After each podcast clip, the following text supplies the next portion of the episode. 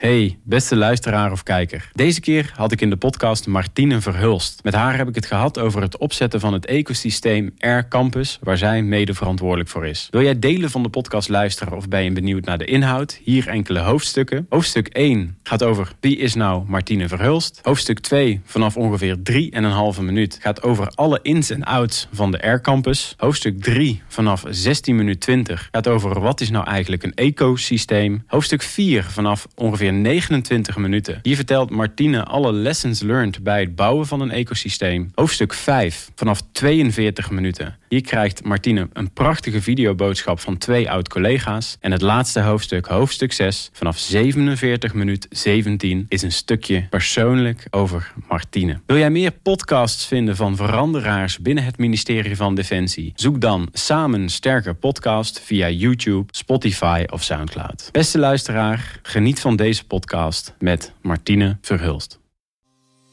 Het ministerie van Defensie. Een bedrijf met gepassioneerde, trotse en talentvolle mensen. In deze podcast verbinden wij deze mensen zodat ze samen sterker worden. Zoek Samen Sterker podcast en luister of kijk via YouTube, Gpal, iTunes, Spotify of Soundcloud. Dat dacht ik even. Nou, we hadden eigenlijk al een uur, maar dat is vaak zo een podcast eh, op kunnen nemen met elkaar. Ja. Er zit al bijna een uur koffie te drinken. en we hadden zoiets, laten we maar gewoon eh, beginnen. Ehm, ja, jij bent, eh, eigenlijk moet ik zeggen, jij was trekker van het ecosysteem Air Campus. Ja. Ehm, ehm, Aero Talent is ook voorbij gekomen, die term. Wat is het nou? Is het Air Campus? En zit daar binnen Aero Talent? Of is dat hoe ik het moet zien? Ja. Oké, oké. Nou, leg daar zo alles over uit. Zeker. Ehm, jullie hebben eigenlijk vormgegeven aan andere manieren van opleiden. Ehm, binnen de vliegtuigindustrie, vliegtuigtechniek. Ehm, jij eh, was trekker van dit uh, ecosysteem op vliegbasis Woensrecht. En ik ben eigenlijk, uh, ja, ecosystemen, we horen er steeds meer over. En sommige mensen zullen er heel veel beeld bij hebben. Andere mensen helemaal niet. En ik wil eigenlijk kijken of we samen in deze podcast eens kunnen gaan kijken... hoe heb je hier uh, invulling aan gegeven. Wat ging er goed, wat ging er minder goed? Wat heb je van jezelf hier ingebracht? Um, eigenlijk gewoon een lekker open gesprek met elkaar, hoe dat gegaan is. Ja, hartstikke goed. Yes? Leuk. Ja. En nu heb ik gezegd Martine, maar voor de mensen die jou niet kennen, uh, met wie heb ik genoegen hier tegenover mij Ik zal me kort voorstellen, inderdaad. Ik ben uh, Martine Verhulst, um, woonachtig in Breda. Um, werkzaam bij de Koninklijke luchtmacht. Uh, in, in deze hoedanigheid met de oploop van het ecosysteem was ik hoofdopleidingen van de Koninklijke Militaire School Luchtmacht. en op dit moment ben ik werkzaam op de bestuurstaf binnen de hoofddirectie personeel. Kijk. Een hele andere functie. Kijk, kijk. En welke rollen vervul jij verder nog in het leven, zoals we dat dan altijd zo mooi zeggen? Oh, ik ben partner, hondeneigenaar, hondentrainer. Oh, echt? Ik heb hobby in jachthonden, ja. Oh, wauw. Dus uh, ja, iets heel wat anders. Dus ja, we hebben een uur zitten praten en ja. dat stuk... Uh... nog niet, nee, maar dan zitten we nog uren straks. Ja, ja. ja. oh mooi. mooi. Hey, als we kijken naar uh, de Air Campus. Ja. Um, ik ben daar heel erg benieuwd naar. Jullie hebben andere manieren gevonden, in ieder geval vorm gegeven aan andere manieren van opleiden. Ja. Um, als jij zo in één pitch tegen iemand zou moeten zeggen op een verjaardagsfeestje... Um, in die tijd dat je dit aan het doen was, in ieder geval. Uh, wat je aan het doen was. Ja. Hoe klinkt die pitch dan? Ik ben daar 3,5 jaar uh, geleden begonnen. En toen uh, was de luchtmacht ook gestart met de transitie naar de vijfde generatie. En opleiden was daar ook een onderdeel in een van de bouwstenen in. Um, en ik heb toen nagedacht met een aantal collega's over hoe ziet dat nieuwe opleiden er nou uit. Als wij kijken naar mensen die nu nieuw binnen uh, in de organisatie instromen, wat hebben die dan nodig? Dat was één. Uh, maar ook hebben we gekeken naar, we zien steeds meer nieuwere technologieën om ons heen. Ook in onderwijsland. het gebruik van, van VR, augmented reality. Andere vormen van, van opleiden. Hoe past die technologie nou bij die nieuwe generatie? En we hebben gekeken naar de, uh, onze buitenwereld, van wat gebeurt daar nou? En hoe kunnen we daar nou connecties in maken? Omdat die technologieën, die veranderen heel erg snel. Mhm. Mm -hmm. zijn best wel kostbaar. En Ja. hoe kan je nou uh, dingen delen? Uh, kennis wordt ook steeds schaarser in de toekomst. en hoe kan je daar nou slim mee omgaan? Ehm, dus we hebben op een gegeven moment gezegd, die Air Campus die bestaat straks of in de toekomst uit vier pijlers. Dat is gepersonaliseerd leren. dus dat je meer naar die leerling kijkt van goh, hoe, ehm, hoe leert hij nou het best? Dus het gaat aan de ene kant over leervoorkeuren, maar aan de andere kant gaat dat ook over als je al dingen kent en kan. Zou je dan een meer gepersonaliseerd opleidingstraject aan kunnen bieden. Het is nu nog meer de one size fits all gedachte. Uh, en uh, daar hebben we wat, met wat mee geëxperimenteerd, samen met TNO ook. Ik kom daar straks denk ik nog wel op, om eens te kijken van hoe kunnen we dat op een andere manier aanbieden. A, om het aantrekkelijker te maken, maar wat nog veel belangrijker is, om een mhm. leerling zo snel mogelijk met voldoende kennis en kunde op functie te hebben, zodat die eh, kan gaan werken. Heb je daar misschien gelijk een, met de deur in huis een voorbeeld van?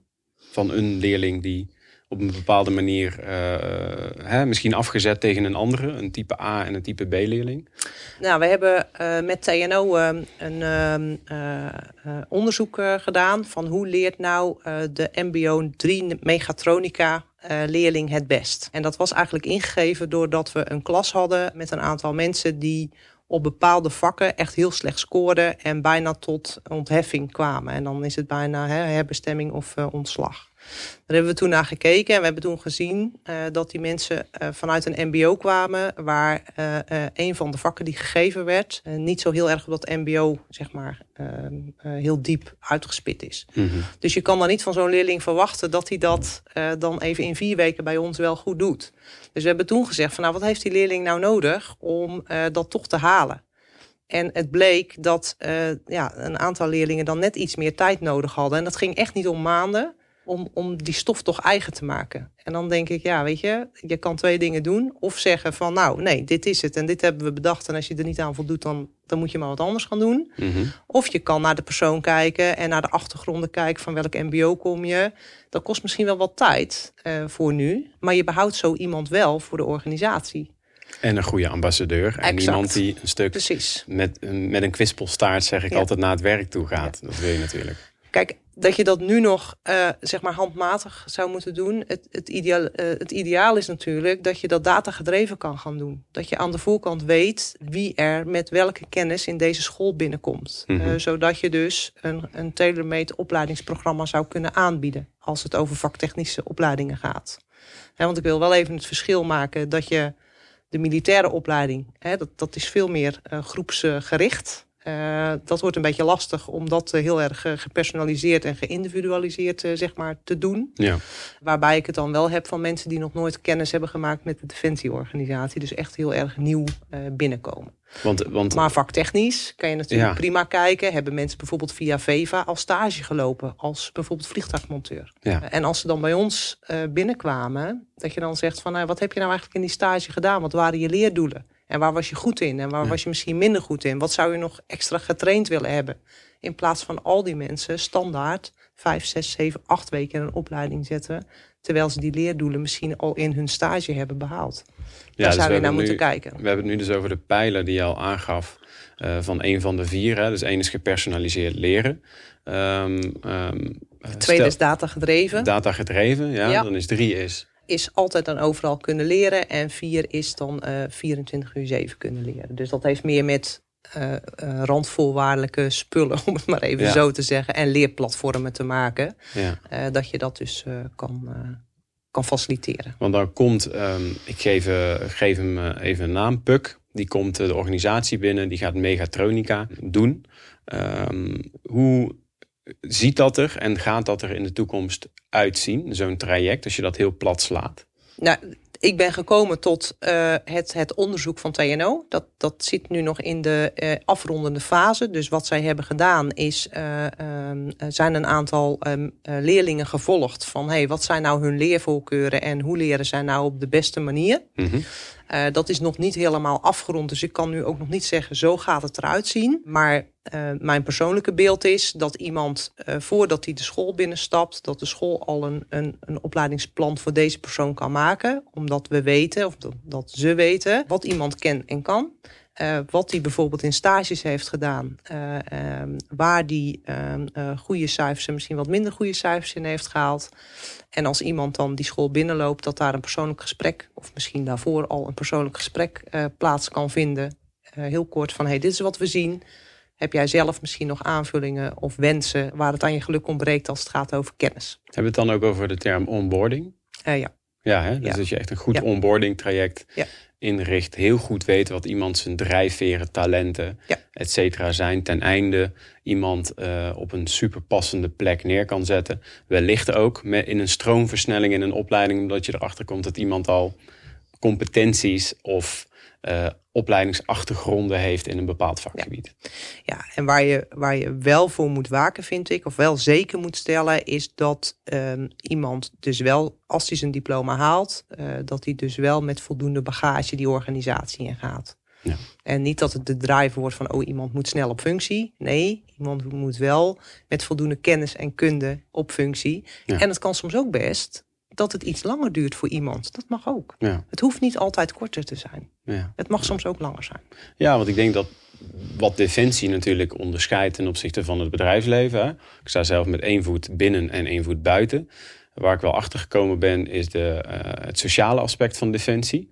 Als ik militairen vraag na zoveel jaar, wat mis je het meest? Dan zeggen ze kameraadschap. Ja.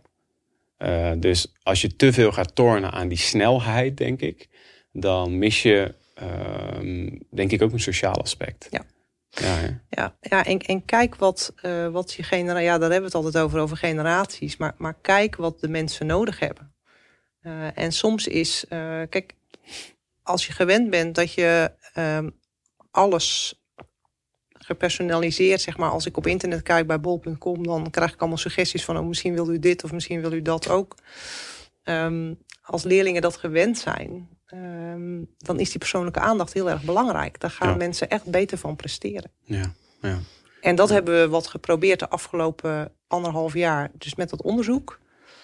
Um, en ik, ja, ik ben heel erg benieuwd naar de uiteindelijke ehm, uitkomsten daarvan. Ja. Uh, of dat iets is waarmee uh, nou ja, goed, wat, ja, wat, mooie resultaten kan geven om, uh, om mee door te gaan. Wat waren de meest opvallende resultaten uit het onderzoek? Nou, nogmaals, ik heb nog niet het eindrapport gezien. Mm Maar ehm, de tussenrapportages, als je vroeg aan mensen, van, hè, jonge mensen, van hoe leer jij het best? Dat was een van de vragen. Dan uh, dan, moest, dan moest er echt over nagedacht worden. En dan nou, wisten, wisten ze dat eigenlijk niet zo goed. Maar als je dat dan ging verkennen met deze mensen en zei van joh, weet je, lees je liever een boek? Wil je liever een opdracht en het in de praktijk nou ja, zelf uitzoeken met een leercoach? Dus hè, de instructeur die aan je komt vragen van goh, waar kan ik jou helpen, waar kan ik jou steunen? Of wil je in de klas zitten? Uh, dus die drie verschillende vormen van opleiden hebben we aangeboden. En wat je zag is dat er uh, betere resultaten bij sommige groepen uitkwamen. En als we dan keken van ja, hoe komt dat dan? Uh, dan gaven mensen zelf van ja, maar ik krijg persoonlijke aandacht. Dat vind ik heel belangrijk. Ja. En dan denk ik, oh ja, dat is wel, dat is wel mooi. Het kost natuurlijk wel veel, of tenminste veel capaciteit, maar het kost natuurlijk wel meer. En uiteindelijk moet je wel gaan afwegen, weegt dat tegen elkaar op. Maar is dit niet iets, gewoon even iets wat kritische vraag, is dit niet iets wat altijd al zo is geweest? Dat mensen over het algemeen behoefte hebben aan een bepaalde vorm van aandacht. Ja, dat denk ik wel. Alleen denk ik, hè, mensen zijn natuurlijk mondiger geworden. Dat is wat we altijd zeggen. Dat is natuurlijk ook zo. Ik denk als ik naar mezelf kijk, 20 jaar geleden, ik werd in de klas gezet en ik kreeg stof wat ik al wist. Nou ja, goed, dan, dan nam ik dat aan en dan zei ik daar misschien wel wat van. Maar ik maakte daar geen, ja, weet je, dat was zoals het was. Ja. Uh, maar ik denk dat mensen daar nu ook meer zelf wat van vinden en ja. wat van zeggen. Ja. ja. Ja, ik denk, ja, je hebt het over generaties. Um, hoe ziet dat er hoe gaat dat er dan uitzien? Want uh, nu stromen de generatie I, maar vooral Z, hè, na 2000 geboren, die stroomt de organisatie binnen. I was al een stuk mondiger, daar val ik nog net in, 85. Hoe ziet dat eruit voor mensen herintreders dan? Die, um, die hebben ook weer andere behoeftes. Dus hoe gaat dat er dan voor hen uitzien? Want die hebben misschien wel gewoon behoefte aan frontaal les. Ja, ik zeg ook zeker niet dat je frontaal moet verlaten. Um, dat vind ik ook met nieuwe uh, manieren om te leren. Dus als je bijvoorbeeld zegt van goh, we introduceren voor sommige vakken virtual reality. Dat kan een aanvulling zijn op het fysiek uh, in een klas zitten. Hè. We zien het nu met COVID. Mensen proberen wat op afstand uh, opleidingen te doen. Ik doe zelf ook een, een cursus. Daar zat ik fysiek voor ergens in het land. Maar nu mhm. zit ik de hele vrijdag achter Zoom.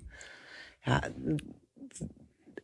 ik, ja, weet je, je zal, moeten pro ja, je zal wel moeten kijken van wat past nou het beste bij ja, die groep die ik nu voor me heb. Ja, ja. En ik geloof niet dat je uh, volledig het klassikale, of, hoe dat, hè, of dat dan fysiek is of digitaal, dat je dat volledig moet verlaten. Ja, ja, ja. ja. Het is een aanvulling, de, de nieuwe technologieën. Ja, dat denk ik ook. Ik, ik zei van de week tegen iemand, uh, dat ging over bijeenkomsten. Hè. Ik ga binnenkort ook met wat mensen ga ik een feestje vieren online. Omdat we dan, en dan ga ik, ga ik ze allemaal een klein flesje champagne sturen en dan ga ik iets introduceren, of iets van mijzelf. En um, toen zei iemand, ah, dat is eigenlijk wel heel onpersoonlijk. Ik zei, nou, als ik heel eerlijk ben, ik zeg, ik heb altijd training gegeven en coaching, maar ik zeg, ik ben eigenlijk best wel op sommige vlakken solistisch. En ik ben blij dat ik niet meer naar al die borrels toe hoef.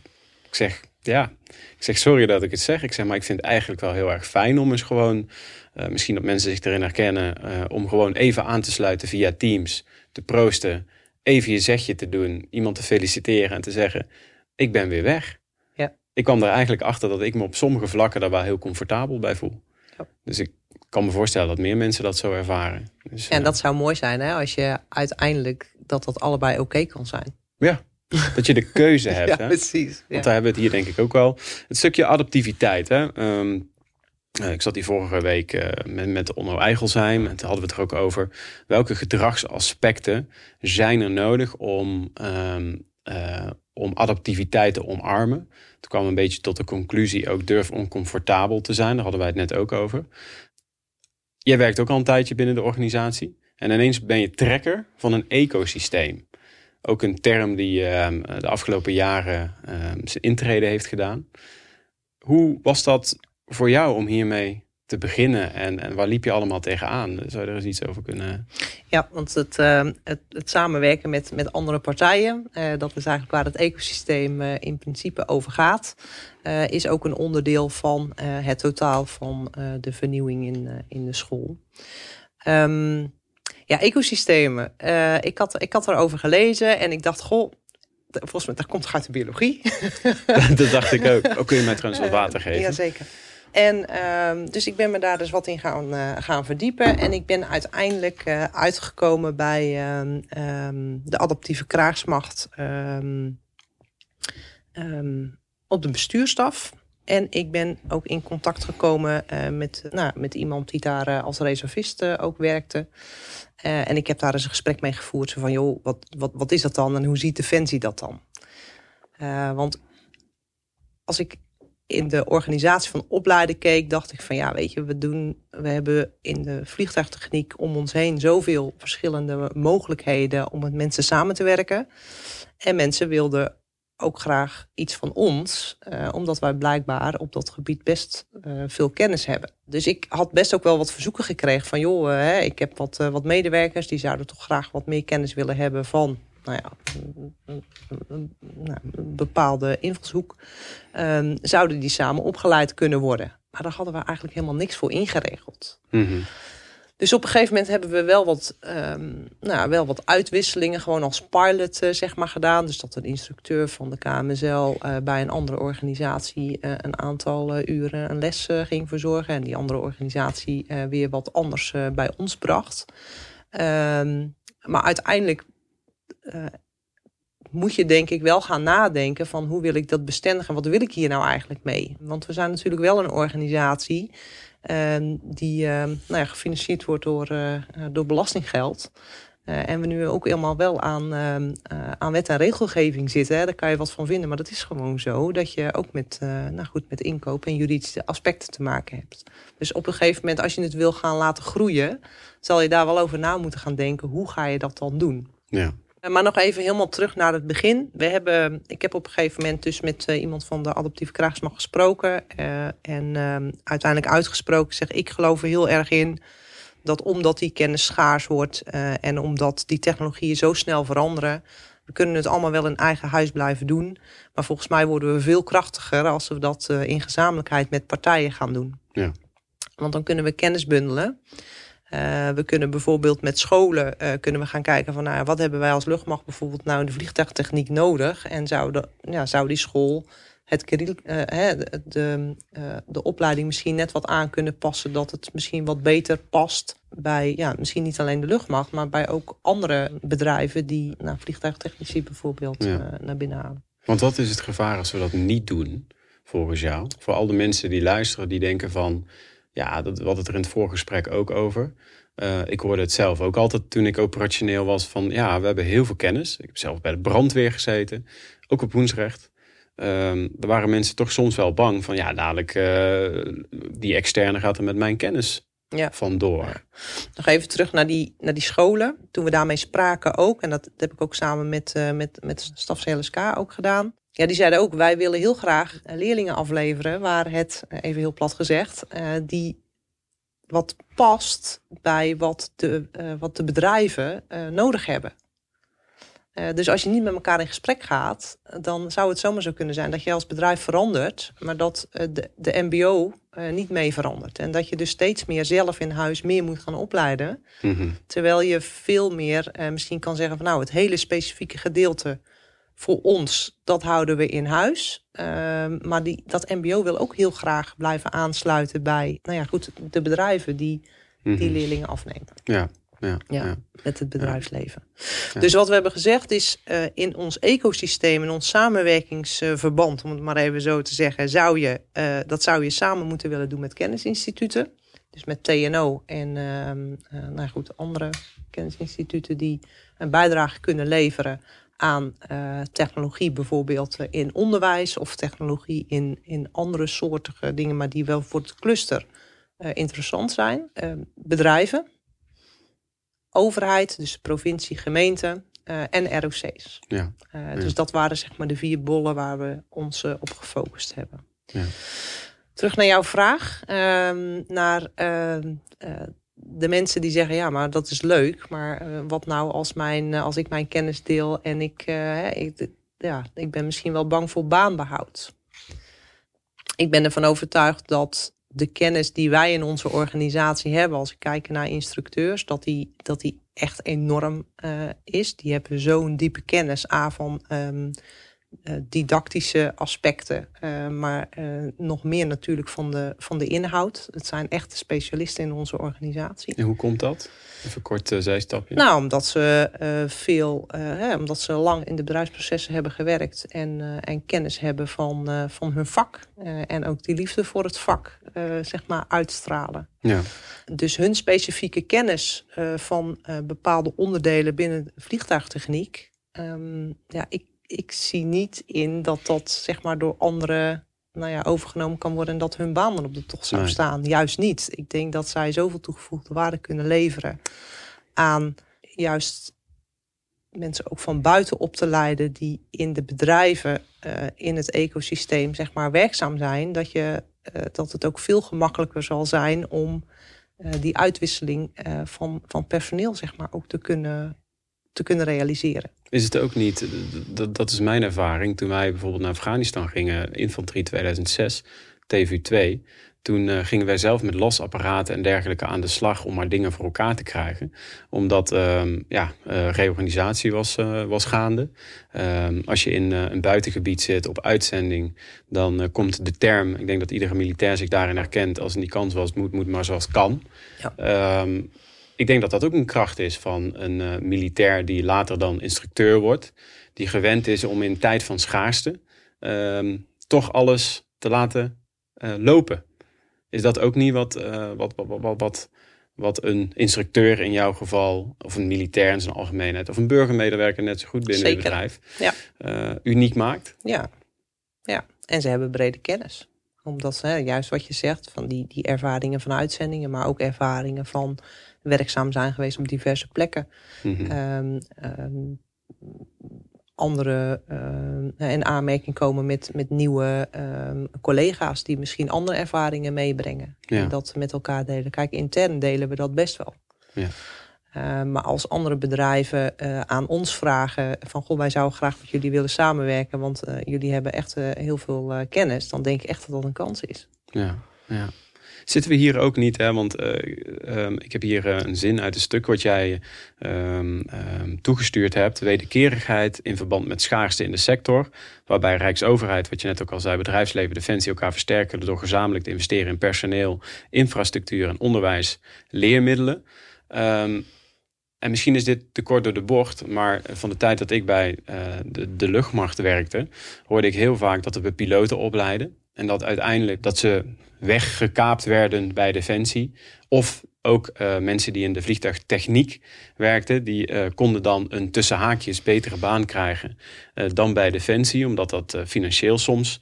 Um, is dat ook niet waar we het nu over hebben? Dat, dat juist door die samenwerking, dat ze toch kunnen genieten van um, ja, het wat meer spannende karakter van een bedrijf als Defensie. Dat, dat er misschien ook een uitzending aan, uh, als je dat graag wil, aan zit te komen. Is dat waar we het over hebben? Als we dat nou samen doen, staan we samen sterker? Ja, je ziet het ook aan de, nieuwe HR-beleid. Um, dat het veel makkelijker gemaakt zou moeten worden om nou ja, goed, die overstap te kunnen maken. Of misschien wel voor een aantal uh, dagen bij een bedrijf werken en een aantal dagen bij Defensie. Dus dat je hybride nou, loopbanen gaat creëren. Uh, als ik het bij de school hou, zou, uh, hebben we dat een keer, is dat een keer uitgeprobeerd met iemand die voor een aantal uur aangesteld was bij een, uh, een, een, school, een ROC. En voor de rest van de tijd bij ons werkte. En die bracht echt interessante dingen mee. Want die zei van, joh, op het ROC doen we het, doen we het zo. Ik zeg niet dat het per se voor hier werkt, maar hè, je had wel het gesprek op gang. Ja om eventueel dingen op een andere manier te bekijken of in gang te kunnen zetten of te kunnen veranderen. Ja, ja. En hij bracht op zijn beurt weer zaken mee vanuit Defensie naar het ROC om, om nou ja, goed, misschien ook ander tegen, anders tegen vraagstukken aan te kijken. Ja, dat is interessant hè? Ja. ja toch uh, uh, onze blinde vlekken eigenlijk. Uh, de bedrijfsblindheid, om daar zicht op te geven van het kan ook op deze manier. Ja, ja. ja. Ja, ja. en, en waar ik ook wel door geïnspireerd ben geraakt uh, toen we eraan begonnen, uh, was uh, Brainport in Eindhoven. Ehm, ik heb daar toen ook mee, mee gesproken en die zeiden ook van ja, kijk, het ROC um, heeft altijd te weinig leermiddelen. Uh, en, en het bedrijfsleven wil wel graag uh, misschien hè, nieuwe um, uh, afnemers van zijn product, misschien de machines laten zien. maar daarvoor leg je niet de productie stil. En als je die machines nou in een leeromgeving neerzet, waar leerlingen al daaraan kunnen werken en dus al kennis maken met die machines. Ja. En die gaan daarna werken bij het bedrijf. Uh, dan hoeven ze niet meer naar een dure opleiding in het buitenland te sturen. Ja, goud. Ja. ja, en, uh, uh, en als wij mensen hebben die geïnteresseerd zijn, of bedrijven die geïnteresseerd zijn in onze machines, dan kan ik ze mee naar die school nemen. Mm. En kan ik ze laten zien, terwijl die leerlingen daaraan werken, wat het kan en wat het doet. Dus ja. ja. daar had ik zoiets van, van ja, weet je, dat, dat is echt mooi. En, en hoe vertaal je dat dan? Want dat was natuurlijk de uitdaging. Uh, naar uh, een, een, een, bedrijfsschool van Defensie. Ja. Of een bedrijfsschool van de luchtmacht. Um, naar um, de vliegtuigtechniek sector. Ja. Uh, waarbij je ook nog wel naar de crossover, hè, de logistiek en zo zou kunnen kijken. Ja. Uh, maar wat je ziet is dat bijvoorbeeld, uh, nou ja, goed, het ROC van Amsterdam uiteindelijk ook heeft gezegd van, nou, wij geloven hier ook echt in. en we gaan iemand voor een aantal uur per week vrijmaken om mee te denken en mee te schrijven aan een curriculum voor bijvoorbeeld een, een, een composietopleiding. Hè, composiet is kunststoffen. We zien ja. in de automotive industrie uh, steeds meer uh, uh, kunststof in plaats van plaatwerk. dat zien we in de vliegtuigindustrie ook steeds meer. Dus dat ja. hebben we als project, en dat is niet zo heel groot. Ik denk ook dat je klein moet beginnen. Aangepakt om eens te kijken van goh, wat, hoe kunnen we daar dan samen in opleiden? En hoe kunnen we met, het ROC, met de ROC's kijken of we bijvoorbeeld een Crebo-nummer kunnen krijgen voor een composietopleiding oh, MBO 3. Ja, gaaf. En wat hebben de bedrijven dan nodig? Uh, wat moet een leerling dus kennen en kunnen? En wat doen wij dan nog als Defensie of als uh, hè, de bedrijven die erop aangesloten zijn? Um, als bedrijfsschool nog voor de Defensie specifiek. Ja. Hey, als we kijken naar zo'n ecosysteem, um, um, op een gegeven moment kwam jij, welk jaar kwam jij daar? 2017. 2017. Mm. dan eh, ga je op een gegeven moment komt de term ecosysteem voorbij. Samenwerken met de maatschappij. Je hebt net al een beetje aangegeven dat dat uh, heel erg waardevol kan zijn met de voorbeelden die je nu geeft. Um, hoe heb jij geprobeerd om dat over de bühne te brengen? Want ik kan me voorstellen dat dat in een organisatie als Defensie, um, uh, die al heel lang bepaalde dingen uh, op een bepaalde manier doet, dat dat best wel lastig kan zijn. Hoe heb je dat hoe heb je dat gedaan? Ja. Om andere mensen te inspireren. Want ecosysteem op dit moment is natuurlijk een, uh, echt een ding geworden. Ja. Heel veel mensen vanuit de gezondheidsaspecten, logistiek, genie. Overal zijn ze hiermee bezig. Ja. Wat zijn jouw lessons learned? Hoe heb je dat gedaan? Um, ik heb met, uh, met mijn leidinggevende, kolonel uh, Kamstra, um, hebben we op een gegeven moment uh, gesproken samen over, nou wat ik al zei, hè, de, de bouwsteen. Um, uh, waar opleiden een deel van, een onderdeel van was. Um, en hebben we dus op die, op die pijlers en het, het ecosysteem hebben we gezegd van nou, dat, we gaan dat voorstel uitwerken. En um, we hebben dat gepresenteerd aan onze luchtmachtraad om te bezien of daar voldoende steun voor was. Want uiteindelijk heb je wel steun nodig om nou, mensen middelen vrij te kunnen maken om, ja. om dat te doen. Um, nou waren er gelukkig ook nog andere mensen uh, binnen uh, de staf CLSK die uh, nou goed, daar invloedrijk op zijn en een netwerk hebben die hier ook in geloofden. Of in geloven, moet ik eigenlijk mm -hmm. zeggen. Um, en samen met, nou ja, goed, die, die presentatie is, is goed ontvangen. er zijn zeker kritische vragen gesteld en ik denk ook dat dat goed is. Uh, omdat het natuurlijk een, een redelijk nou ja, abstract concept uh, uh, was. Van hoe ga je dat dan doen en, en wat, wat doe je dan volgende week, om het maar even zo te zeggen. En hoe kom je tot resultaten? Wat is überhaupt je resultaat?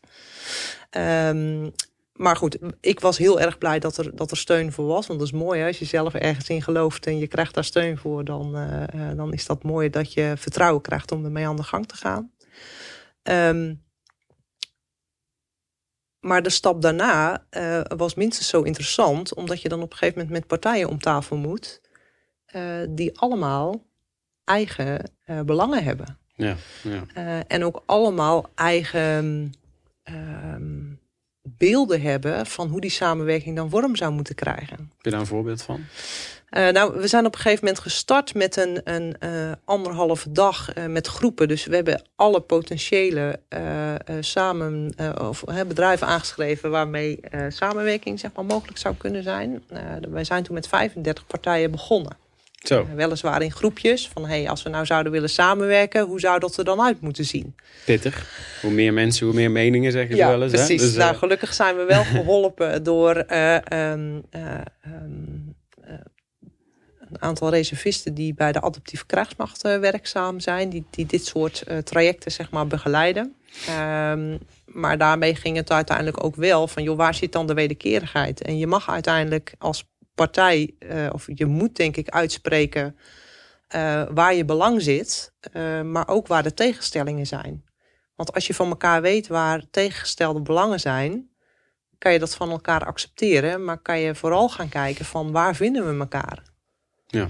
Um, dus vertrouwen is natuurlijk hartstikke belangrijk dat je dat gaat, uh, dat je dat bouwt. En dat heb je niet in twee maanden opgebouwd. Daar heb je gewoon echt wel even wat tijd voor nodig.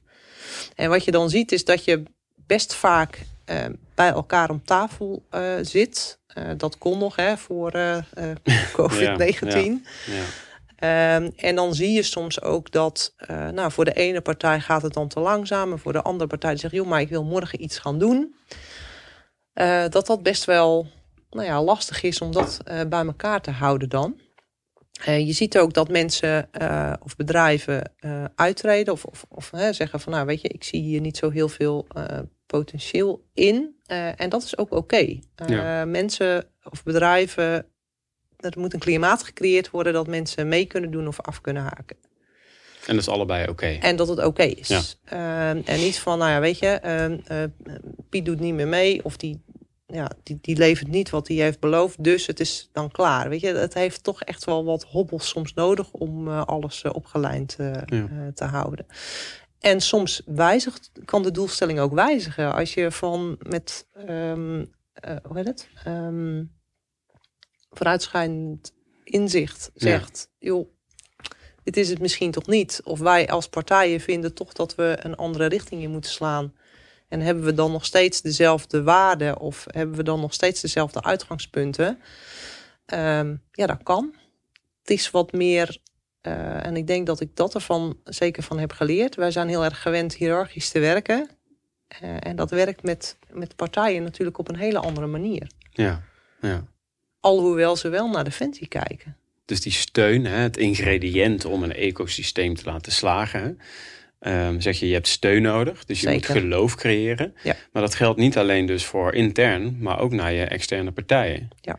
En um, hoe, hoe, hoe doe je dat dan? Uh, heb je daar een concreet voorbeeld van dat je uh, ergens op de bühne bent gaan staan en hebt gezegd van um, dit is hoe het eruit zou kunnen zien Willen jullie dat ook? Doe je dat door enthousiasme te creëren of juist door hele concrete uh, inhoud aan te leveren? Dit zou het jullie op kunnen leveren? Of hoe, hoe doe jij dat? Ook vanuit misschien jezelf, dat je af en toe dacht s'avonds. Want je wil natuurlijk wel het liefst al die partijen aangesloten houden. Ja. Um, waar ben je achter gekomen wat werkt het best? Want ik hoorde net ook een stukje geduld hebben, dat die ook belangrijk is. Zeker, ja. Uh, maar dat is misschien ook meer persoonlijke bescherming. Um, hoe doe je dat? Um, nou, ik denk zeker wat je zegt. Hè, het belangrijkste is dat er, dat er vanuit de eigen organisatie steun is om er in ieder geval aan te mogen beginnen. uh, en uh, wat, um, wat ik ook wel heb uitgedragen, of tenminste ook naar mezelf heb, heb aangegeven, het mag ook mislukken. Ja. Dat is niet het einde van de wereld, om het maar even zo te zeggen. De het, die, of ook jij? Nee, het project. Het project. Of, hè, als, als het, maar ja, goed, wanneer is het geslaagd? Ja. Ik bedoel, daar, daar kom je natuurlijk ook in de loop van de tijd ja. uh, achter. Ja. Um, wat mij heel erg heeft geholpen is om dus met Brainport ook te praten. Van, goh, waar zijn jullie tegen aangelopen? En het was natuurlijk niet een een één op éénzelfde um, um, organisatie. Um, maar het concept uh, was natuurlijk wel voor een groot deel hetzelfde. Ja. Um, en het waarom um, is, is heel erg belangrijk geweest. Uh, en dat heb ik ook wel uitgedragen. Het waarom om samen te gaan werken is ja. uh, één. dat de kennis schaars wordt. Ja. en, en dat technologieën die we willen omarmen in opleidingenland, om het maar even zo te zeggen, dat dat zo snel gaat dat dat hartstikke kostbaar is. En omdat ja. dat het misschien veel beter is om dat samen te ontwikkelen. Want ziet de maatschappij de wederkerigheid dan ook? Zien zij ook wat, voor hen, uh, wat het voor hen oplevert? Um, nou, de, de, bedrijven die aangesloten zijn, die, die zagen wel degelijk uh, de wederkerigheid daarin. Uh, en je mag hè, dat, dat hebben we ook wel in die sessies uh, uh, gemerkt. Je mag gewoon ook echt zeggen van joh, een, een bedrijf, we weten ook designer om, om, om geld, of, hè, om, ja. om omzet te creëren, want anders is hun bestaansrecht... Schoorsteen moet blijven roken. Ja, ja. precies. en ik vind ook vanuit ons perspectief moet je daar ook rekening mee houden. Uh, dat, dat, dat het efficiënt uh, moet, dat dat voor hun een belangrijke waarde is. Ja, ja. Um, dus als je de verschillende waarden op een rij zet uh, en daar met elkaar begrip voor kan creëren, ja. dan kom je uiteindelijk tot van, maar wat zou je dan wel kunnen doen? Ja. Um, en dat is misschien niet binnen nu en zes maanden de wereld veranderen. Ja. Um, maar wat belangrijk is, is om met elkaar die kleine stappen vooruit uh, te kunnen creëren. Ja. Um, en wat mij ook wel heeft geleerd, is dat uh, je het soms gewoon ook moet proberen. Uh, dus ja. hè, dat je, hoe krijg je de uitvoering mee? Je kan als management mooie vergezichten schilderen of mooie raamwerken van nou we gaan samenwerken, dan gaan we ongeveer zo doen. Maar als op een gegeven moment de werkvloer die daadwerkelijk um, het geloof, uh, hè, daar valt of staat het mee. Geloven mm -hmm. zij, uh, en dan misschien heel concreet, gelooft die instructeur dat je door samenwerking vooruit kan komen. Ja. Ja. Uh, dus kan je samen opleiden. Ik kan wel vinden dat dat zo is, maar dat gevoel bij, bij de instructeur moet er zijn. Want ik leid niet op, ja. om het maar even zo te zeggen, ja. als persoon. Ja. Dat doet hij of zij die daar kennis van heeft. Ja. Ja. En begin daarin klein. Ja. En luister ook naar hun ervaringen. Ja. Want als zij zeggen van joh, de randvoorwaarden zijn niet goed ingevuld of ik kan mijn werk op die manier niet goed doen, dan vind ik wel dat je daar um, aan tegemoet moet komen om te zeggen, maar hoe doen we het dan wel? Ja. Of hoe kan het dan wel? ja. En daar staan jullie, uh, stonden jullie uh, ook voor open. Ja, ik, ik ben uh, van de. Uh, ik zit dan nu niet meer op de functie, zoals ik in het begin al zei. Um, waar we toe zijn gekomen is uh, om um, te praten ook met de uitvoering. Hoe kunnen we bijvoorbeeld een workshop of een, een, een wat kortere opleiding of kennisuitwisselingen op het gebied van composiet voor elkaar krijgen. En dat uh, was dan met, uh, met een aantal uh, bedrijven. Mm -hmm. en een van die bedrijven hebben we ook een samenwerkingsovereenkomst op het op bestuurstafniveau kunnen maken. Zodat je dus ook um, ja, die samenwerking geformaliseerd krijgt. Ja, ja, ja. Mooi. Ik uh, heb hier zo even een beetje met jou mee zitten schrijven met jouw verhaal. wat ik eigenlijk een klein beetje uh, van je hoor is... Um, je moet steun creëren. En ik denk op een gegeven moment komt het cirkeltje weer terug. Um, je moet het waarom heel duidelijk helder krijgen. Dus waar doen we het voor? Wat is de bedoeling eigenlijk? Dat we die samen delen. Um, wat, is, wat zijn de waarden die daar dan uitkomen? Wat is het voor iedereen waard? heel duidelijke de stappen die gemaakt zijn. Um, ik zou daar bijna aan toevoegen, dat zullen jullie vast ook gedaan hebben, die ook zichtbaar maken voor iedereen. Ja. Zodat je ook ziet wat de waarde is voor iedereen. Um, en denk ik nog wel de belangrijkste, zeker in een innoverende wereld, het mag ook mislukken. Um, en als je dat zichtbaar kan maken, die vijf trapsraket heb ik even hier opgeschreven. Dus steun, uh, het waarom, de waarde, de stappen zichtbaar maken en dat dat geheel ook mag mislukken. Als je dat zichtbaar maakt, dan creëer je een geloof. Ja, dat klopt. Er zit er misschien nog één tussen. Mm -hmm. En dat is belangrijk, denk ik, voor het cement tussen alle uh, partijen. En dat is het vertrouwen. En vertrouwen creëer je in mijn ogen om, om eerlijk te zijn. Uh, en ook een betrouwbare partner uh, te kunnen zijn. Dus als je bijvoorbeeld zegt van um, we maken een, een klas, ik noem maar wat. Um, met uh, drie mensen van, uh, van de bedrijven waar we mee samenwerken en drie mensen van Defensie, dat je dat dan ook doet op het moment dat je dat gepland hebt. Ja. Uh, dus dat komt, als je verder bent in zo'n traject, komen daar nog wel andere dingen bij kijken. Dus hè, governance, van hoe organiseer je dat nou? en wie, wie kan er op de rode knop drukken op het moment dat Defensie voorrang moet krijgen op, ja. op, op de middelen, ik noem maar wat. hoe doe je dat dan? Ja. Ja. ja. Een hele nieuwe wereld waar we in terechtkomen. Ja, de super wederkerige samenwerkingen, ja. uh, performance-based contracting, wat natuurlijk al jarenlang uh, geïntegreerd is en wat we nog aan het uitvinden zijn. Ik heb een, uh, een kleine videoboodschap voor je. Oh, echt? Ja. Ik ga even mijn telefoon erbij pakken, daarom had ik die hier nog liggen. Um, ja, eigenlijk van um, twee oud-collega's van jou, dus jij mag op play drukken. Oh, wat leuk.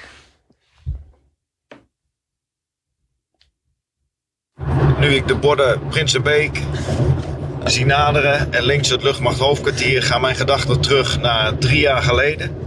Toen we beide uh, begonnen op de KMSL en beide ook vaststelden dat het anders en beter kon met de opleidingen. En dat we in ieder geval de KMSL in een nieuw tijdperk moesten brengen. Daar is toen ook het idee van de Air Campus geboren. En sindsdien heb jij een hele hoop gedaan, een hele hoop betekend.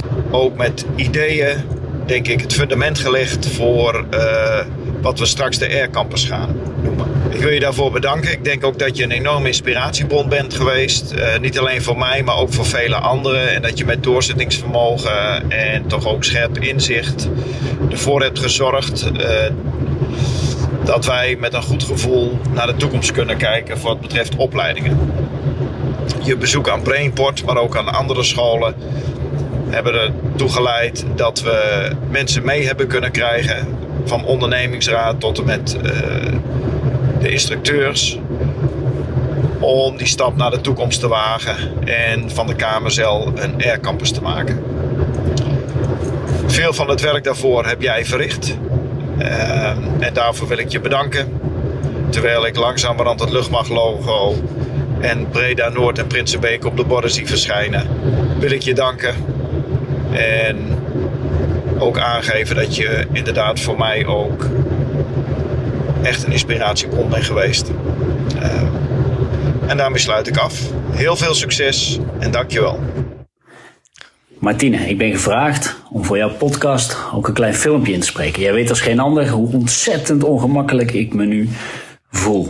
Uh, maar toch uh, wil ik deze, dit moment grijpen om iets tegen jou uh, te zeggen. En de afgelopen anderhalf, twee jaar hebben wij samengewerkt. en ik heb dat altijd met heel veel plezier kunnen doen. het kwam met name omdat je me op de juiste momenten wist te coachen. Uh, maar me ook uh, op diezelfde momenten voldoende vertrouwen gaf om mijn werk goed te kunnen doen. Uh, je had een visie als het gaat over het ecosysteem, de R-campus op de school. en je was in staat om die visie met ons te delen. En dat ontzettend abstract idee met ons verder uit te werken. En je hebt ons aan de hand meegenomen. we hebben best wel wat tegenslagen ook uh, daarin verwerkt. Niet iedereen is altijd zo, uh, zo, zo meegaand, hè. dus er is weerstand. Uh, maar je hebt altijd je kop hoog gehouden en je bent ervoor gegaan. Ik wil je nogmaals danken voor deze leerzame en ontzettend leuke tijd. En ik denk nog vaak terug aan jouw wijze woorden. Ook aan deze week komt vanzelf weer een einde. En daarbij, er mag hard gewerkt worden, maar er mag zeker hard gelachen worden. Nogmaals, dankjewel Martine. Nou, wat leuk. Ja, had je die aanzien komen? Nou, nee, helemaal niet. Ik ben er ook al een beetje ondersteboven van, moet ik eerlijk zeggen. Ja, wat maakt dat je daar zo uh, ondersteboven van uh, bent? Nou, ik denk dat het mooi is om, um, nou ja, om nog eens achteraf te horen hoe zij dit hebben ervaren. Ja. Of hoe, hoe zij daarnaar kijken. Hoe we dat, uh, dat avontuur zijn aangegaan. Ja. ja, zeker. Ja. ja. ik zie dat het je raakt inderdaad. dat je echt even wow. ja. ja, ja. Ja, mooie dingen die ze zeggen. Nou, zeker. Zeker. Kun je dat goed ontvangen? Ja. Ja? Ja. Ja, hè? ja. ja. Ik heb er ook goed naar geluisterd. Goed zo. Goed zo. goed zo. En het, is, het sluit gewoon geheel aan op bij het verhaal wat we natuurlijk net hebben uh, besproken. Hè? Wat ik, wat ik uh, die, uh, de collega's hoor zeggen, is dat jij het fundament hebt gelegd. Hè? Dus je kan heel bescheiden gaan doen, maar zo zie je twee collega's die, uh, uh, die dat toch over jou zeggen. Um, dat je echt een inspiratiebron voor ze geweest bent, ook op momenten dat het moeilijker was. Dat je toch het doorzettingsvermogen had om, het, uh, om de schouders eronder te steken en door te gaan. Ja. Um, en je haalde het net al aan, je voegde hem zelf toe. een stuk vertrouwen. Ja. En ook, um, ik ben, Alex was het hè? Ja. En dat Alex zei dat je mij het vertrouwen gaf dat ik mijn werk goed zou doen. Ja. Dat is ook een vorm van coaching. Hè? Mensen niet uh, redden, maar ze nee. ondersteunen. Ja. Dus uh, mooi. Dankjewel. Heel mooi, ja, heel mooi. Waar, kom, waar, komt dat bij jou vandaan? Want dat vind ik altijd wel interessant. Uh, dat je toch in zo'n organisatie, dat zijn ook de mensen die ik hier in de podcast uitnodig, die toch dat oncomfortabele aandurven gaan en denken, ik ga het doen. Um, ik heb ooit eens een, een spreuk gelezen en ik denk dat die wel heel erg passend is. Uh, voor mij persoonlijk. Wat mij tot hiertoe heeft gebracht, brengt me niet verder. Um, en dat betekent voor mij uh, dat je als je altijd dingen in de, in de comfortabelheid blijft doen, um, dan, dan kom je niet verder. Of hè, dan stopt je leerproces. Um, daarmee wil ik zeker niet zeggen dat alles wat je tot nu toe hebt gedaan moet weggooien, moet vergeten. Zeker niet. Uh, maar als je de stap vooruit wil maken of, of in je eigen leerproces uh, vooruit wil, um, dan moet je de dingen niet blijven doen. Dan moet je nieuwsgierig blijven naar nieuwe dingen. Ja. Uh, en die nieuwsgierigheid die gun ik echt altijd iedereen. omdat je bij nieuwsgierigheid ja, je soms tot, tot nieuwe inzichten komt. Is er iets Misschien, uh, ik, heb, ik heb dat zelf ook wel heel sterk, dat je bepaalde, uh, misschien te groot hoor dit, maar life-changing moments of bepaalde situaties, een opleiding of iets in je leven mee heeft gemaakt dat je zegt van ja, dat heeft eraan bijgedragen dat ik nu de vrouw ben die ik nu ben en dit heb kunnen bewerkstelligen. Nou, ik denk dat uh, het vertrouwen dat ik heb gehad Um, in, in, nou ja, goed, in wat ik ook deed. Um, ja, dat dat mij ook heel erg heeft geholpen. Ja. Um, en dat ik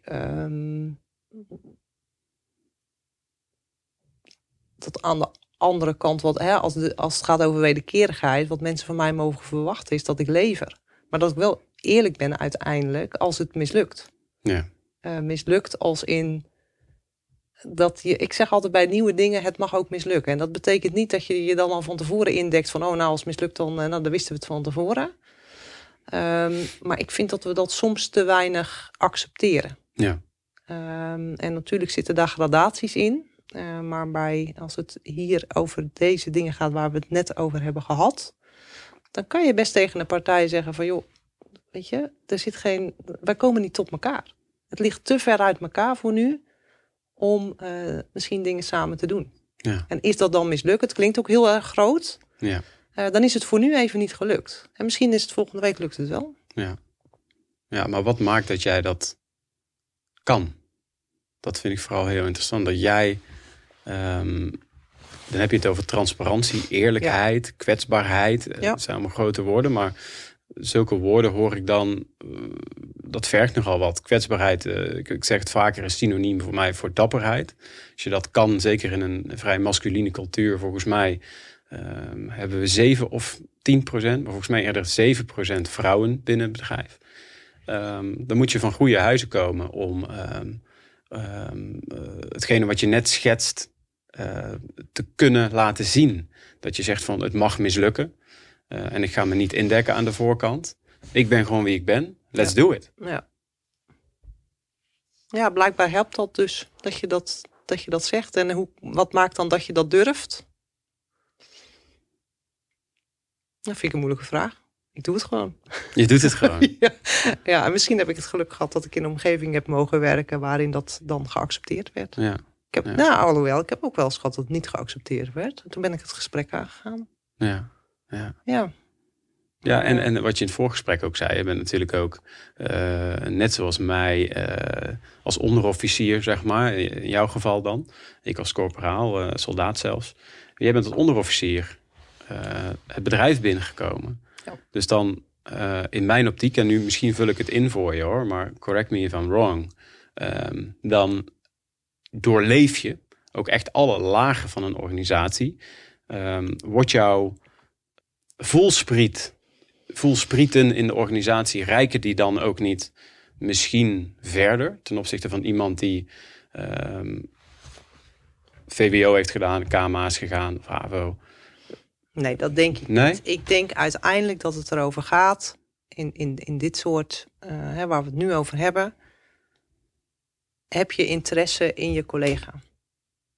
En of je nou generaal bent of corporaal, als je, en alles wat ertussen zit, als je aan je collega of aan je, aan je medewerkers of aan je leidinggevende gewoon ook kan vragen, joh, hoe is het met je? Of hoe kijk je daarnaar? Dat je daar open in staat en dat je oprecht de discussie eh, wil voeren. Of, of hè, open staat voor, voor die ideeën. En of dat dan, eh, dat maakt dan niet zo heel veel uit eh, van wie dat is. Ja, ik denk dat het daarin zit. ja mooi. Ehm, want ik, ik hou niet zo heel erg van, en ik zeg niet dat je dat zegt hoor, maar van de hokjes. Eh, van hè, als je een lang model hebt gedaan of niet. Ehm, Mhm. Ehm, Ik denk dat we allemaal ehm, kracht bij kunnen zetten om juist nou ja, het gesprek aan te gaan, de dialoog aan te gaan. En het soms op een nette manier ook met elkaar oneens mogen zijn. Ja, ja, Eh, met respect voor de ander. ja. En, en daar komt die nieuwsgierigheid denk ik ook weer wel vandaan. Dus eh, hè, niet alleen nieuwsgierigheid naar bijvoorbeeld bedrijven. God, wat doen jullie en wat zouden we samen kunnen doen? Maar met name ook een nieuwsgierigheid naar je collega. Van God, wat hou ik jou bezig? En hoe, kunnen we, hoe zouden we dingen eh, anders kunnen doen of beter? Of doen we het goed? Hoe houden we het dan zo? Hè, want som- soms kunnen we ook wel eens het gesprek voeren van... nou, we doen dingen heel erg goed. Ja. Hoe zorgen we ervoor dat het zo blijft? Wat maakt dat jij dat zo belangrijk vindt? Omdat ik erin geloof dat je alleen op die manier eh vooruit komt. Mhm. Ja. Dus echt samen dingen doen, eh, talenten maximaal benutten. Ja. Dat is echt iets wat, ja, dat zie je ook, hè? eh, wat, wat jouw collega's Ja. Ja, aan je bijzonder hoor. teruggeven. Nou, Ja, mooi. Heel mooi. Heel mooi. Hey, ehm, het is, ja, met zoiets is natuurlijk een lange adem. Ja. Ehm, ehm, eh, ik denk dat dat, ik zeg, eh, misschien zeg ik het wel te vaak binnen een bedrijf als Defensie, maar eh, iets nieuws opzetten is natuurlijk binnen ieder bedrijf altijd eh, een lange adem. Ehm, zijn er ook voorbeelden van momenten dat het ook echt niet goed ging? Dat je echt dacht van wow, dit was wel even. Ja, um... ja er zijn echt wel pittige discussies gevoerd. En dat ging bijvoorbeeld over uh, partijen die zeiden van nou, ik vind dat wij, uh, partijen die aangesloten zijn bij het ecosysteem, dat je alleen mag toetreden als je een bepaald bedrag inlegt. Ik noem maar wat. Ja. En toen dacht ik, ja, nee. Um, het gaat juist over een, een, het ene bedrijf is misschien heeft geen kennis, maar is die kennis heel erg waardevol. Uh, maar die hebben wel geld of die kunnen dat inleggen. En de andere heeft misschien, hè, als je naar een overheidsorganisatie kijkt, misschien niet zomaar geld wat ze in kunnen leggen, maar misschien wel kennis wat ze in kunnen brengen. Ja. En dat maakt een ecosysteem natuurlijk uh, uh, ontzettend krachtig. Ehm, dat, je, dat je de wederkerigheid uh, dus kan, um, nou ja, goed, dat dat belangrijker is dan dat je zegt, nee, iedereen moet 10.000 euro inleggen, ik noem maar wat. Ja, ja, ja. Um, en daar heb ik wel van gedacht op een gegeven moment, oeh, als we die weg opgaan, uh, tenminste in mijn gedachten was dat niet de, de kern van een ecosysteem. Daar ging het juist over ja, dat je met elkaar een, een waardevolle bijdrage levert. Ja, ook door, over, over elkaars grenzen heen ja. durven kijken. Ja, en niet bij voorbaat zeggen van... oh, maar als jij niet inlegt mag je niet meedoen. Ja. Nee, iedereen mag meedoen. Ja. dat maakt het juist zo bijzonder. Ja, ja. En hoe heb je dat uh, opgelost, om het zo maar te zeggen? Heb je daar uh, nou, dat heb ik niet helemaal alleen gedaan. Uh, dat heb ik natuurlijk met, met Ben, die gaf daar net ook iets over ja. aan. ook Ellen Meeuws Scholten, die heb ik helemaal niet genoemd realiseer ik me nu. Maar die, dat is ook echt een grote drijver geweest uh, vanuit de staf uh, op, dit, uh, op dit idee. Heeft dat ook echt gesteund. Um, maar daar hebben we op een gegeven moment ook met de partijen gewoon het gesprek over gevoerd. Ja. en waarbij je natuurlijk wel moet uitkijken dat je als defensie wil je eigenlijk niet de bovenliggende partij zijn. Ja. Maar de ervaring is wel dat bedrijven naar defensie kijken, omdat we natuurlijk ook met best veel zijn. Ja. Um, en dat zag je soms ook als wij even niks deden, dus geen initiatief namen om, om bij elkaar te komen, dan gebeurde er niks. Ja. Dus ik had op een gegeven moment zoiets, hoe kan dat nou? Ja. zei ja, maar weet je, jullie hebben het initiatief genomen en wij willen heel graag aansluiten. Dus neem alsjeblieft het initiatief. Dus dat is ook weer wel een beetje de andere kant. Mm -hmm. um, dat je die gelijkheid heel erg wil, uh, maar dat er blijkbaar ook wel naar sturing gevraagd wordt. Ja, ja balans. Ja, ja. Balans. En dat heeft Ja. tijd nodig Ja. om, dat, om daar goed uit te kunnen komen. Ja.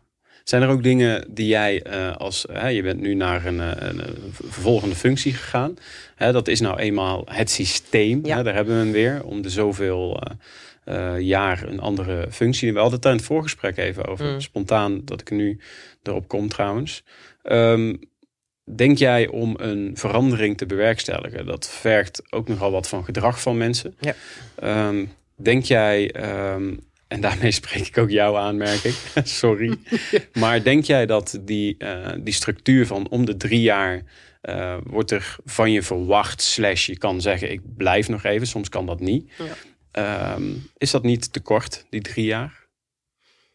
Ehm, ja, ik ben daar zelf wel een beetje ambivalent in, om het maar even zo te zeggen. Ik denk als ik eh, kijk naar eh, dat je eh, hè, processen vooruit wil brengen, dat je daar misschien wel vier, vijf, zes jaar voor nodig hebt. Eh, maar als ik kijk naar hè, ook persoonlijke ontwikkelingen, dat het ook mooi is dat je juist die kans krijgt om na een aantal jaar weer iets anders te gaan doen. Dus Ja. vandaar mijn ambivalentie daarin. Ehm, en wat daarin denk ik belangrijk is, eh, wat je moet proberen ehm, te creëren, is dat opvolging ehm, nou, enigszins in het, in het gedachtegoed vooruit eh, kan gaan. Hè? Ja. Dus dat, dat er iemand gezocht wordt die daar ook geloof in heeft en daar misschien een stap vooruit we- weer wel een eigen. ehm, of tenminste, hè, het, het ontwikkelt natuurlijk ook. Dus het gaat het hoeft niet per se mijn idee wat helemaal tot het einde toe eh, volbracht moet worden. Want dan moet je het zelf blijven doen, denk ik. Maar Ja. juist ook, het kan juist ook beter worden als een ander weer eens met frisse ogen daarnaar kijkt. En met die partij om tafel gaat zitten en gaat zeggen van oké, zijn we nog de goede dingen aan het doen. Ja. Dus het heeft ook wel, ja, wel mooie dingen daar, of Ja. goede dingen daar ook weer aan. Want anders ja, loop je misschien ook vast. Omdat je maar aan je eigen gedachten vast blijft houden. Ja, ja. Je vertelt vol passie over de Air Campus. Ja. Ehm, ehm, maar wat je al aangeeft, uh, die ambivalentie daarin. Jij bent nu ook naar een nieuwe Ja. eh, functie weer gegaan. Ehm, waar staat de Air Campus nu op dit moment? En wat heeft de Air Campus nog nodig om die, eh, hoe jij het ziet, wat je in het begin zei, die visie, die droom, tot werkelijkheid te brengen? Ja, nogmaals, ik wil benadrukken, ik, eh, ik zit niet meer op functie. Ja, Eh, ja nee, duidelijk. Nee, nee. Eh, dus ik, eh, ik heb er zeker alle vertrouwen in, eh, in de, eh, degene die mij heeft, eh, heeft opgevolgd in, ehm, eh, in, in deze processen. Ehm, er is echt al veel gebeurd. Er zijn eh, afgelopen jaren eh, hè, is er, is er, eh, eh, zijn er pilots gestart, zijn er dingen geprobeerd waar we ook van gezegd hebben van nou weet je, als het niet werkt, dan mogen we er ook gewoon mee stoppen. Eh, want het gaat er niet om eh, dat we maar per se eh, tot resultaten moeten komen. Maar we, we weten eigenlijk niet zo goed of ehm, VR eh, wel werkt. Mhm. Ehm, draagt dat nou echt bij aan een leerproces van iemand? Of denken we dat alleen maar? Ja, vinden we het gewoon hip en iedereen doet het, dus Precies. dan gaan wij het ook doen.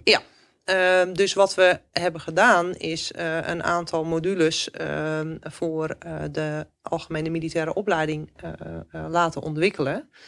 En als het goed is, is daar nu een projectgroep met instructeurs en leerlingen bezig om te kijken van wat draagt het nu bij. Ja. Dus ik hoop heel erg dat de volgende stap is dat ze dat goed kunnen beproeven. En dat ze op een, een eerlijke en oprechte manier kunnen aangeven van nou, dit werkt wel of het werkt niet. Eh, Ja. eh, en eh, dat je daar dan ook een, een echte keuze in kan maken. En niet dat het op de plank blijft liggen.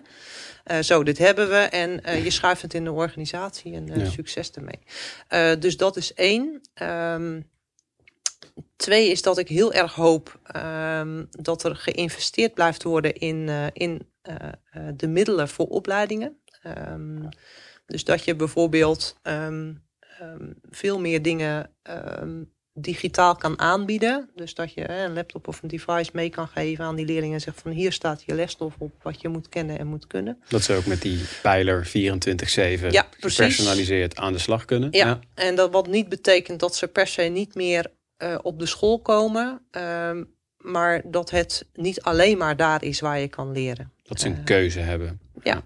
Ja, maar, maar dat het ook eh, is dat je, ehm, nou ja, goed, als het voor jou werkt, dat jij, eh, nee, ik noem maar wat, eh ehm, eh, s'avonds beter leert, of hè, dat, je, dat je daar ook wat, in, wat flexibel in, in kan zijn. En dat je leerplatform ook van digitaal te benaderen is. Ja. Daar hebben ze sinds vorig jaar een, een leerplatform Moodle is daarvoor voor ingericht. De NLDA had dat al een tijdje.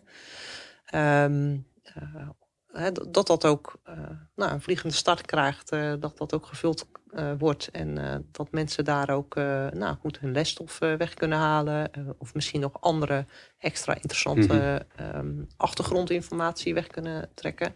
En dat het ook een platform is waarmee je met externen dus ook kan communiceren. Ja. Want dat miste ook wel, dat als je in je defensiesystemen zit, dat het heel lastig is om bijvoorbeeld een online vergaderruimte, ja, we hebben dan nu MS Teams, maar hoe eh, ga je dan kennis in een platform wegzetten? Ja. Ehm, en daar hebben we dan Moodle voor. Dus dat is mooi, eh, Ja. dat, ze dat, ehm, ehm, nou goed, dat ze dat verder kunnen brengen. Ja. Ja. ja.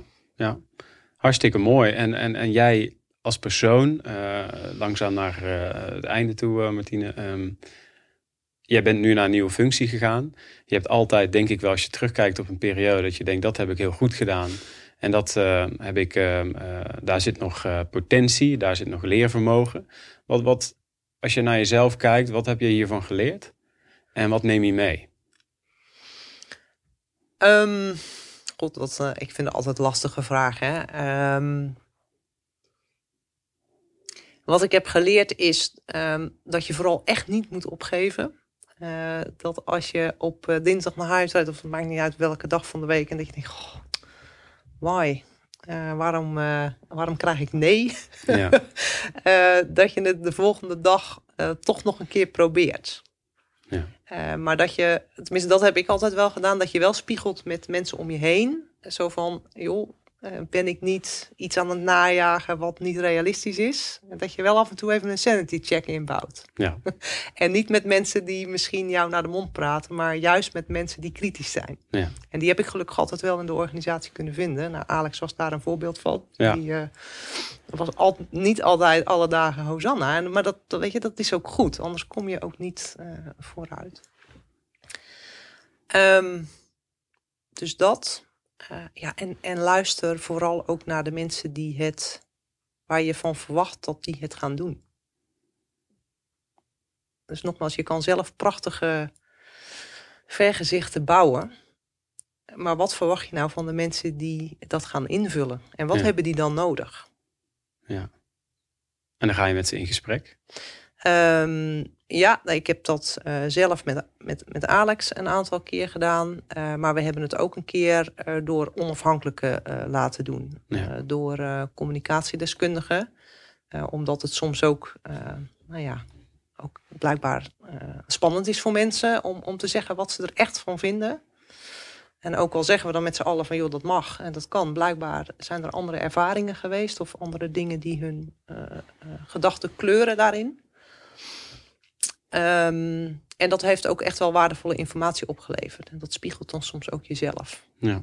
Dat, ehm, en, en daar, ja, dat, dat neem ik mee. Dat, ja, uiteindelijk moet je het samen doen. Ja, Ja. goed, ik kom daar steeds op terug. Dat is een beetje saai misschien, maar ehm, ja. ja. Mooi. Ik hoor eh, balans. Een balans tussen eh, ehm, grote plannen maken en de, eh, het realistische beeld daarvan. Ja. Zoek een ehm, eh, club van mensen om je heen die niet met je meepraten, maar ook kritisch durven zijn naar je. Een stuk oprechtheid heb ik je horen zeggen. Blijf met elkaar in gesprek. Ehm, maar ben wel heel oprecht naar elkaar ook. Dat het een heel belangrijk ding is voor Ja. jou. Is er nog iets wat ik gemist heb dat je zegt van ja, Danny, dat had ik eigenlijk wel heel graag willen vertellen, maar daar heb je eigenlijk helemaal niet naar gevraagd. Nee, volgens mij niet. Nee? Volgens mij is echt alles onder orde gekomen. Ah, mooi. Dan heb ik nog één laatste vraag voor jou. Ehm, stel jij ehm, bent eh, eh, 90 jaar oud en eh, je zit ergens op een plekje ehm, eh, met een van jouw honden, ik zeg maar wat. Ja. En jij kijkt eh, met trots terug op jouw eh, militaire carrière en op je persoonlijke leven. Waar ben je dan het meest trots op? Goh. ehm, dat ik de kansen heb durven nemen die me geboden zijn. Eh, dat ik die kansen soms zelf heb gecreëerd, zeg ik een beetje voorzichtig, maar dat, dat is Mhm. het soms wel. Ehm, en dat ik hopelijk eh, heb bijgedragen aan, ehm, aan, nou goed, aan, aan mensen aanraken om, om nieuwsgierig te zijn eh, naar, naar, naar dingen die om, nou goed, om, om het bedrijf heen gebeuren. Om adaptief te zijn, dus om aan te passen aan nieuwe vormen van werken of nieuwe vormen van organiseren. Ja. Ja. Mooi, vind ik een hele mooie afsluiting. Mensen aanraken, eh, een beetje motiveren om nieuwsgierig te zijn. Ja. Prachtig. Thanks, daar kan ik niks meer aan toevoegen. Dankjewel. Jij bedankt. Zoek Samen Sterker podcast en luister of kijk via YouTube, Gpal, iTunes, Spotify of Soundcloud.